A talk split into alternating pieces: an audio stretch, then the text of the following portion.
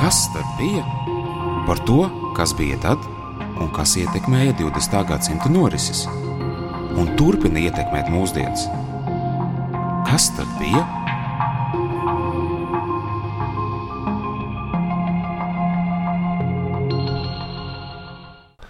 Labdien! Šodien raidierakstu ciklā Kas tad bija? runājam par mazākumtautībām un pretošanu. Raidījumu tapšanu finansiāli atbalsta Kultūras ministrija. Par saturu atbildīga Latvijas okupācijas muzeja biedrība. Studijā okupācijas muzeja vēsturnieki Gīns Apals un Edvīns Evārds. Šodien par lielāko masu slepkavību, kas jebkad notikusi Latvijā - par holokaustu. Mūsu zemē tika nogalināti vairāk nekā 70 tūkstoši ebreju tautības Latvijas pilsoņu un vairāk nekā 20 tūkstoši ebreju no citām Eiropas zemēm, ko nacisti transportēja uz Rīgu iznīcināšanai. Gint īsumā, kā veidojās Latvijas ebreju kopiena? Kurzemē ebreji sāk apmesties 16. gadsimta beigās, bet 17. gadsimtā jau veidojās nelielas kopienas. Ieceļošana notika no Polijas, Lietuvas kopvalsts, kā arī no Ziemeļvācijas. 18. gadsimtā pastāvīgas ebreju kopienas radās arī Latvijā, bet Rīgā ebreji sāk uzturēties gadsimta beigās. Pēc Latvijas teritorijas iekļaušanas Krievijas impērijā ebreju dzīve stabilizējās. Taču tas bija saistīts ar diskrimināciju. Bez īpašas atļaujas viņi drīkstēja pastāvīgi dzīvot tikai teritorijās, ko Krievija pievienoja 18. gadsimta beigās.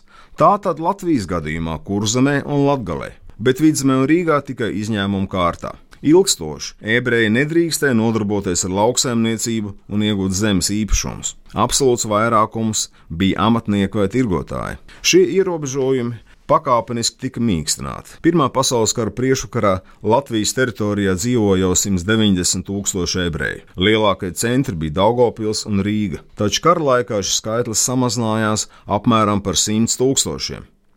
Līdz ar frontes tošanos ebreji evakuējās paši, bet vienu daļu varas iestādes deportēja uz Krieviju, jo turēja aizdomās par simpātijām pret Vāciju. No kura laika tad varam runāt par Latvijas ebreju kopienu? No Latvijas valsts veidošanās laika. Pirms tam cilvēku, un ne tikai ebreju, identitāte vairāk bija saistīta ar piedarību pie noteiktas pilsētas, draudzes vai provinces, vai ticības un kārtas piedarības. Latvijas ebreju kopiena veidojās neatkarīgas valsts apstākļos, kad tādas atšķirības pamazām zuda. Taču tas prasīja laiku. Profesors Strānga raksta, ka dažādo ebreju grupu konsolidācija vienotā Latvijas ebreju kopienā palika nepabeigta. Tomēr ebreji piedalījās valsts tapšanas procesos. 1919. gada jūlijā Juris Pauls Mins kļuva par pagaidu valdības locekli, iegūstot valsts kontrolieru amatu. Vismaz viens tūkstots ebreju piedalījās neatkarības karā, seši tika apbalvoti ar Lāčplēša ordeni. Neatkarīgā Latvijā ebreji iegūta tādas pašas tiesības kā visi citi pilsoņi, arī faktiski kultūras autonomiju, savas skolas un organizācijas. Ebreju politiskās aktivitātes līmenis bija diezgan augsts.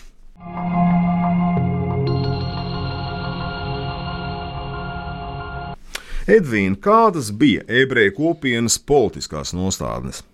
Ebreju kopiena starpkara periodā nebija politiski vienota. Latvijā ebreju vidū bija izplatīts gan sociālisms, gan cionisms.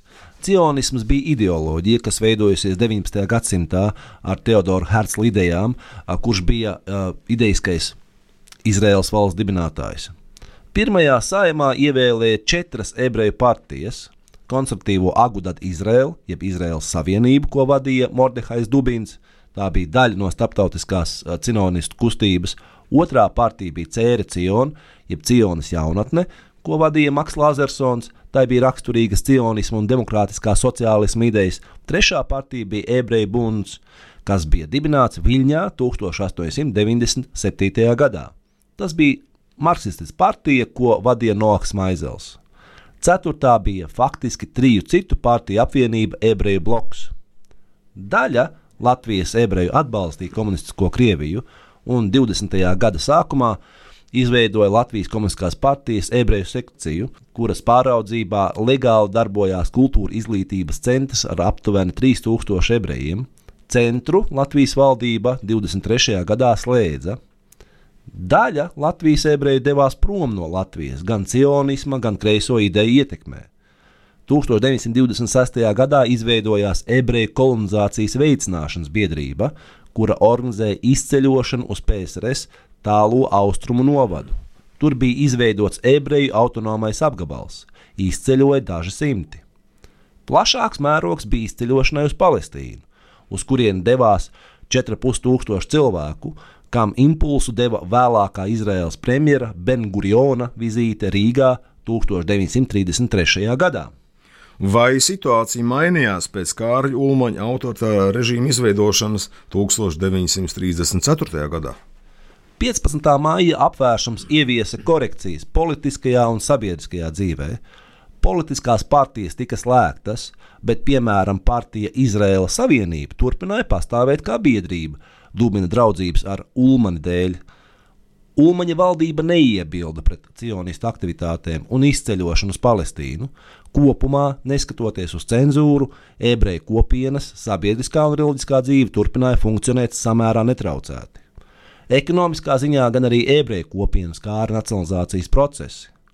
Nacionalizēti tika ebrejiem piederoši lielākie uzņēmumi, kuros bija ieinteresēta valsts. Tomēr, atšķirībā no 20. gadu agrā reformas, tika izmaksāta kompensācija. Gind, šajā vietā ir jājautā, vai Latvijā pirms okupācijas bija vērojams antisemītisms.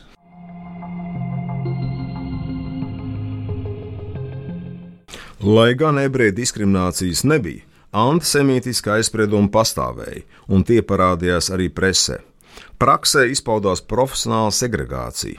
Ebreji darbojās galvenokārt privātajā sektorā, tirzniecībā, rūpniecībā, amatniecībā, finanšu pakalpojumos un brīvajās profesijās.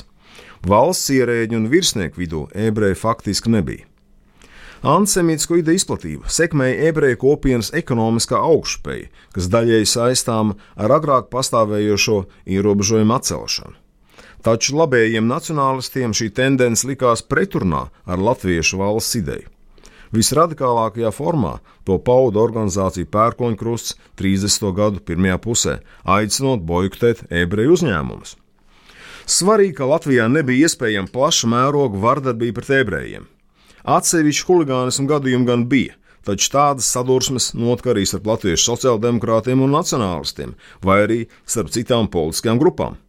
Valsts nepieļāva antisemītiskas vardarbības izplatību, un antisemītisms Latvijā nekad netika pacelts valsts politikas līmenī. Otrā pasaules kara priekšvakarā Kārļa Ulmaņa režīms pat deva iespēju vairāk nekā tūkstošu Vācijas un Austrijas ebrejiem ieceļot Latvijā, lai glābtos no nacijas terora. Pēc okupācijas nacistu režīma propaganda antisemītismu pacēla jaunā līmenī. Komunistu terorā vainoja komunistus un visus ebrejus. Vai ebreju piedalīšanās Latvijas padomju režīma ieviešanā kaut mazākā mērā deva pamatu tādiem apgalvojumiem? Protams, ka nē. Komunistu režīmu vadošo kadru vidū ebreji bija maz. Viņa īpatsvars Latvijas iedzīvotāju vidū bija apmēram 5%, bet komunistu partijā 40. gada beigās bija 11% ebreji. Tā tad divas reizes vairāk nekā vidēji. Taču tieši to pašu varētu teikt arī par padomi terora upuriem. No 41. gada 14. jūnijā deportētajiem vairāk nekā 12% bija ebreji. Maldinošs mīts par komunistu režīmu ebrejisko raksturu nāk no nacistu okupācijas perioda propagandas. Padomju varas nodarījumos tā vainoja ebrejus un komunistus, turklāt liekot vienādības zīmi starp abiem jēdzieniem. Bet kā tad izpaudās nacistu režīma politika pret ebrejiem 41. gada vasarā un rudenī. Jāuzsver, ka Latvijā nacistiskā vara ienāca ar gatavu plānu, kā nošķirt ebrejus no sabiedrības, koncentrēt un visbeidzot iznīcināt viņus. Šīs trīs darbības notika faktiski vienlaicīgi. Nacisti plāna ideju bija strādājuši okupētās Polijas teritorijā 39. gada rudenī, kur vēlāk tika iznīcināti tūkstošiem ebreju. Jānorāda, kā no 92,000 Latvijas ebreju Latvijas teritoriju pirms nacistu ienākšanas paspēja pamest kādi 20,000 ebreju. Palikušajiem 72,000 piedraudot ar nāves sodu, vajadzēja reģistrēt. Viņiem lika vākt sagrauto namu drupas, lai ebrejus publiskā telpā nošķirtu, viņiem lika nesāt zelta no Dāvida zvaigzni uz virsdrēbēm. Strauji ieviesa dažādus diskriminējošus ierobežojumus. Ebrejiem atņēma radio, rakstāmmašīnas, velospēdus un citus satiksmes līdzekļus, aizliedza pārvietoties pa trotuāriem, liedza uzturēties pludmalēs un parkos, iepirkties veikalos. Ebrejiem izveidoja atsevišķus veikalus, kur katram cilvēkam bija paredzēta tik maza pārtikas deva, kā ar to iztikt nevarēja. Avīzēs tika apzināti veidots negatīvs ebreju tēls, ko saistīja ar komunistiem. Izslēgšanu no sabiedrības noslēdza geto izveide. Latvijas teritorijā tādus izveidoja trīs. 1941. gadā Rīgā, Maskavas forštatē un Daugopilī Grīvā, bet 42. gadā Liepājā, Bāriņu ielas rajonā. Vai ebreju slepkavošana sākās uzreiz pēc Vācijas armijas ienākšanas Latvijā? Speciālās nacistu vienības SS operatīvā grupā, ko vadīja SS ģenerālis Walters Štālikers, locekļi jau nākošajā dienā pēc ienākšanas Latvijas teritorijā, pēc vēsturnieka strangas ziņām, grobiņā noskapoja sešus vietējos ebrejus. Sākotnēji vispirms tika nogalināti komunisti un ebreju vīrieši, kurus nacisti turēja aizdomās par komunistu atbalstīšanu. Jūlija sākumā Štālika padotībā tika saformētas ebreju šāvēju vienības, arī no vietējiem iedzīvotājiem. Tādas bija Viktora Arāja vienība Rīgā, Mārtiņa Vagulāna vienība Jelgavā. Šīs vienības slepkavoja ebrejus, kas dzīvoja lauku apvidos un mazpilsētās. Latvijas mazpilsētās un lauku rajonos faktiski ebreju nogalināšana notika tikpat kā visu 41. gadu ar lielāku vai mazāku intensitāti katru dienu. Lai rastos priekšstats par apmēriem, minēsim arāja vienības slepkavošanas vien dažus piemērus. Daugopilī vienā reizē nošāva 150 ebrejus, pie Ventspils 300, Sabilē 240, Bauskā 400, Ludzā 800 un tā tālāk. Savukārt Mārtiņa Vagulāna vielība 41. gada vasarā piedalījās aptuveni 2000 zemgales ebreju nogalināšanā, Līdz oktobra sākumam Latvijas provincēs, sekojot vēsturnieka Antieša ezergaļa aplēsēm, kopā nogalināja apmēram 30 tūkstoši ebreju no aptuveni 72 tūkstošiem. Līdz ar ebreju nogalināšanu notiek arī redzamāko vizuālo objektu iznīcināšana pilsētās - sinagogu dedzināšana. Piemēram, Rīgā nodedzina lielo horālo sinagogu, Daugopilī tiek uzsprāgināta lielā sinagoga un vēlāk arī lūkšana nami. Bet kas notika ar dzīvi palikušiem ebrejiem lielajās pilsētās? Lielākā daļa no dzīvi palikušiem Latvijas ebrejiem bija geto koncentrētie ebreji. Viņi tika nodarbināti dažādos vācu civilpārvaldes un vērmachtu uzņēmumos. Lai slēptu holokaustu, 1941. gada novembrī nacisti bija izlēmuši transportēt uz austrumiem Vācijā, Austrijā un citviet dzīvojošos ebrejus. Viņus bija paredzēts izvietot arī Rīgas geto, bet tas bija pārpildīts. Rezultātā nacisti lēma atbrīvot vietu, kas nozīmē tā iemītnieku iznīcināšanu. Šī uzdevuma izpildēji 16. novembrī uz Rīgu atsūtīja SS ģenerāli Friedrichu Jekelnu, kurš iepriekš bija atbildīgs par 33,000 ebreju noslepkavošanu Babiņģerā, Ukrainā. Divās akcijās 30. novembrī un 8. decembrī Rumbulā tika nogalināti 25,000 ebreju, atstājot dzīvus vien nepilnus 5,000 ebreju, kas bija darba spējīgā vecumā un vismaz nosacīti veseli. Cita starpā pirmo vilcienu sastāvu ar gandrīz 1000 ebrejiem no Vācijas iznīcināja reizē ar Latvijas ebrejiem Rumbulā jau 30. novembrī. Par notikumiem Rumbulā ir arī epizode filmā Tēvs Nakts Dažas dienas vēlāk, 15. līdz 17. decembrim, šķēdes kāpās 15 km no Liepājas tika nogalināti vēl 2734 ebreji. Uz Rīgu pēc vēsturnieka strāngas ziņām atveda ap 20,000 ebreju no Vācijas, Austrijas un citvietām. Bet viņu liktenis bija līdzīgs. Lielāko daļu viņus nogalināja biķernieku mežā Rīgā. 1943. gada 21. jūnijā SS Reichsfīrēs Henriks Himmlers pavēlēja likvidēt visus geto. Rīgas geto pastāvēja līdz 43. gada 2. novembrim, kad tā vēl dzīvi palikušos iemītniekus pārveda uz Kaizervaldi, jeb Mežparka koncentrācijas nometni, kur pārveda arī vēl dzīvi palikušos Daugopils un Liepājas geto iemītniekus. 1944. gada martā tur bija ieslodzīti nepilni 12,000 ebreju. Tā paša gada augustā lielāko daļu no viņiem pārveda uz nāves nometnēm Aušvicā, Polijā, nometnēm Vācijā, Stuthofā un Hamburgā, kur lielākā daļa no tiem gāja bojā. Gint, kā tas iekļaujas kopējā holokausta vēstures kontekstā? Antisemītisms bija nacistu ideoloģijas postulāts jau no paša sākuma. Ebreji tika vainoti Vācijas sakāvē Pirmajā pasaules karā un revolūcijā, kā arī komunistu ideja izplatībā vēlāk. Uzreiz pēc nacijas nākšanas pie varas 1933. gadā tika uzņemts kurs uz ebreju diskrimināciju un izstumšanu no sabiedrības. Viņus izslēdz no civildienas un juristu profesijas, neļāva strādāt augstskolās un daudz kur citur. 35. gadā rasistiskie Nirnbergas likumi aizliedz vāciešu laulības ar ebrejiem un atņem ebrejiem Vācijas pilsoņu tiesības. Nacistu režīms sākotnēji centās panākt ebreju emigrāciju. Tika izdarīts spiediens un notika grautiņi. Tika kalti plāni ebreju deportācija uz Madagaskāru. Virzību uz totālas iznīcināšanas politiku iezīmēja Hitlera runa Reichstagā 39. gada 30. janvārī, kur viņš deklarēja, ja starptautiskā ebreju finansistu oligarhija iegrūdīs Eiropas tautas pasaules karā, tad tā iznākums būs ebreju rases iznīcība visā Eiropā. Un te redzam, ka iepriekš minētie nacistu politikas un propagandas postulāti bija definēti jau ilgi pirms Vācijas armijas ienākšanas Latvijā. Nacistu režīms sāka ebreju genocīdu jau uzreiz pēc iebrukuma Polijā 39. gada septembrī. Tas izvērtās daudz plašāk pēc Vācu padomu kara sākuma 41. gada jūnijā un skāra arī Latviju. Tiesa, galīgo lēmumu par totālu Eiropas ebreju iznīcināšanu nacisti pieņēma 1,42. gada sākumā. Taču tobrīd lielākā daļa Latvijas ebreju jau bija nogalināti.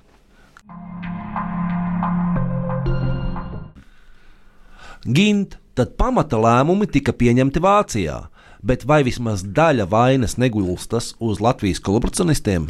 Vaina skatām vairākos līmeņos. Struktūrāli holokaustu note, noteica nacistu režīmu ideoloģija un politika. Rīkojumi nāca no Vācijas amatpersonām, taču tos īstenoja ne tikai SS, Vācu bruņoto spēku un policijas personāls, bet arī vietējie kolaboracionisti. Jau minētās Arāņu un Vagulānu vienības. Taču bija arī mazākas grupas un indivīdi, kas piedalījās atsevišķās slepkavībās. Nevienmēr tās vadīja un kontrolēja vācu virsnieki.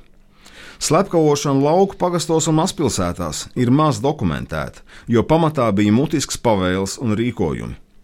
Nacistu politiskais mērķis bija radīt iespaidu, ka slepkavošana ir spontāna vietējo iedzīvotāju iniciatīva. Tas gan netika sasniegts, jo Latvijā grautiņus izraisīt nekur neizdevās. Taču slepkavošana, aplaupīšana, pazemošana notika, un tā skāra visus ebrejus. Atgriezīsimies pie skaitļiem. Diemžēl tie ir svarīgi. Cik daudz bija vietējo slepkavu? Gandrīz pusi Latvijas ebreji gāja bojā no savu līdzpilsoņu raidītām lodēm. Tiesa, tas notika okupācijas apstākļos un nacistu politikas ietvaros. Vēsturnieks un holokausta pārdzīvotājs Marģers Vestermans uzskata, ka apmēram viens tūkstotis Latvijas pilsoņu tiešā veidā piedalījās ebreju iznīcināšanā. Proti, katrs no tiem personiski nogalināja kādus cilvēkus, reizēm pat paziņas un kaimiņus. Taču mūsdienās jautājums ir plašāks. Par to cilvēku vainu, kas ebrejus pašu neslepkavoja, bet sekmēja šos noziegumus. Aizturēja, arestēja, apsargāja, konvojēja, arī aplaupīja, piekāva, izvaroja, dalīja upuru mantu. Publicēja rakstus un teica runas, kas aicināja uz holokaustu. Tādu cilvēku Latvijā bija vairāk tūkstoši bet mēs nekad nespēsim pateikt precīzi skaitli. Arī tāpēc, ka robeža starp holokausta sekmēšanu un vienaldzību ir ļoti grūti novelkama. Latvijā par holokausta noziedzniekiem arī juridiski uzskata tiešos slepkavus. Citās zemēs pieeja mainās. Piemēram, Vācijā pēdējos gados par līdzdalību holokaustā ir notiesāti cilvēki, kas nāves nometnēs veids tīri administratīvas funkcijas - sekretāres, nolikto pārziņu grāmatvežu. Un tas notiek gandrīz 80 gadus pēc nacistu terora beigām. Edvīna, šeit ir arī otra puse - ebreju glābēji. Cik daudz bija tādu varonīgu cilvēku un kāds bija viņa liktenis? Pēc Vestermaņa sniegtām ziņām Latvijas okupācijas muzejā šī gada 7. septembrī Latvijā ir zināmi 520 ebreju glābēju vārdi un 790 glābšanas gadījumi. 576 cilvēki tajos izdzīvoja, bet 214 tika nošauti. Holokausta memoriālais komplekss un izglītības centrs vadošiem Izrēlā cilvēkiem, kas neprasot atlīdzību, riskējuši ar savu dzīvību un glābuši ebrejus, piešķir titulu Taisnīgais starp tautām. Latvijā šo titulu saņēmuši 138 cilvēki. Cilvēciski saprotams, ka lielākajā daļā glābēju glābjamos ebrejus tā vai savādāk pazina iepriekš. Tas nenozīmē, ka riski ar to mazinājās ebrejus glāba, centās glābt ļoti dažādu nacionālitāšu cilvēki Latvijā. Latvieši, krievi, poļi, pat vācieši no dažādiem sociāliem slāņiem.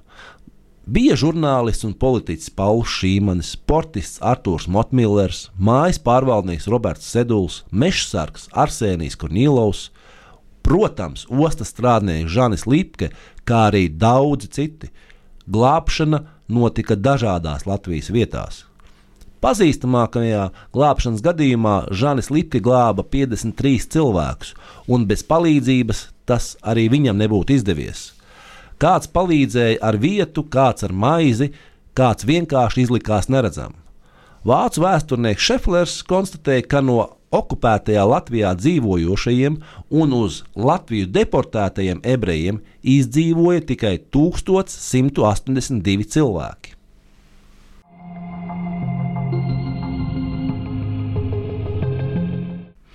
Atgriežoties pie vainas jautājuma, cik daudzi holokausta noziedznieki saņēma sodu un kādu? Kara beigās Latviju atkal okupēja padomju karaspēks. Par tiesiskumu un tā nodrošināšanu atbildēja padomju vara. Šis režīms neuzskatīja holokaustus par specifisku noziegumu, par genocīdu. Tā ieskatā ebreji bija padomju pilsoņi, nevis īpaši daudz cietusi mazākumtautība, Izmeklēšanai un sodīšanai bija propagandistiska vērtība, tāpēc īpaši iedziļināties nozieguma būtībā okupācijas vara nevēlējās. Šos noziegumus pieskaitīja pie politiskiem pārkāpumiem.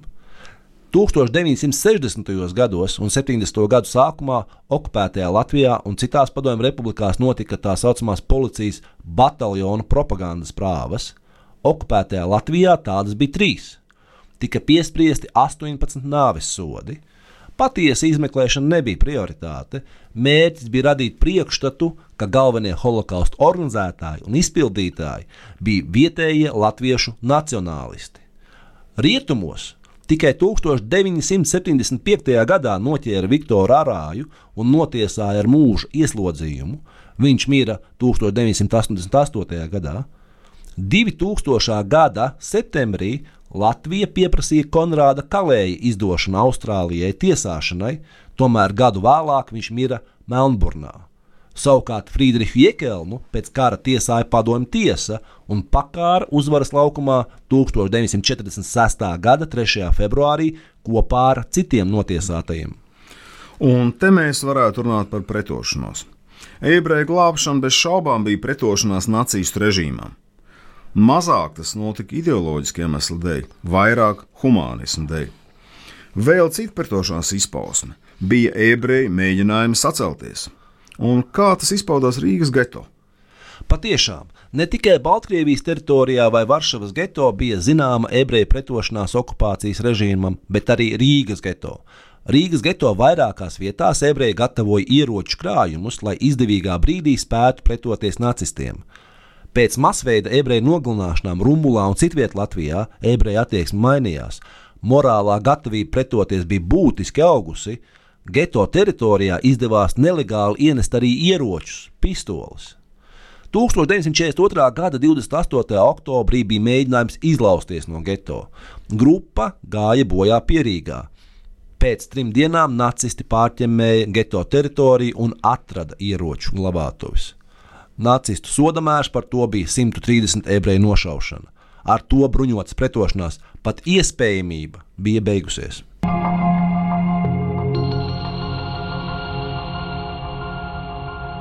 Noslēgumā skumja bilants.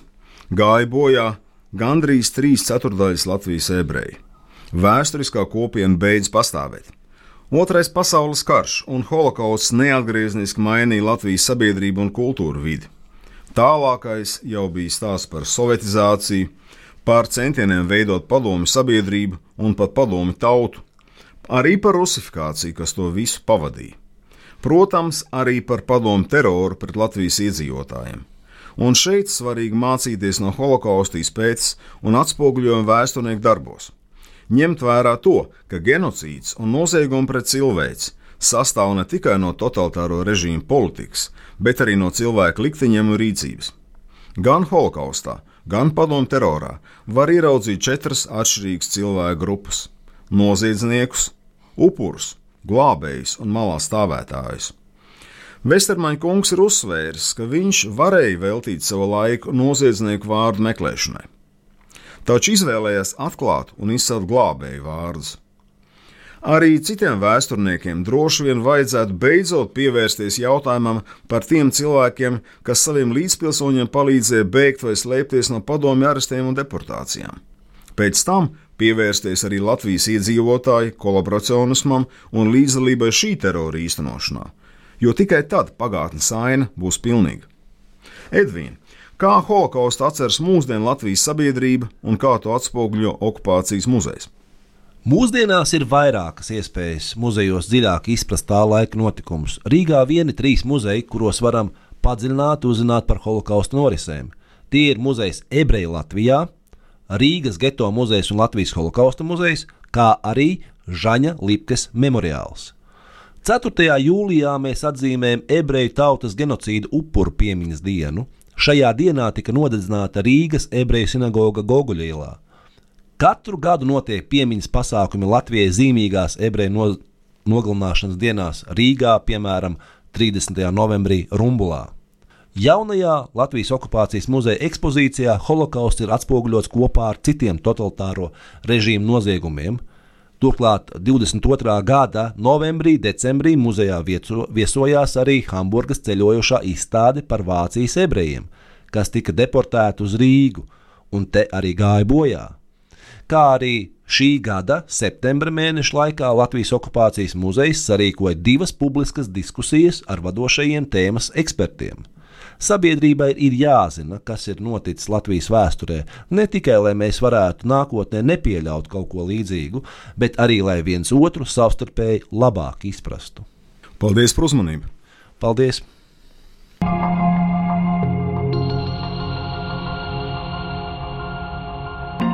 Kas tad bija?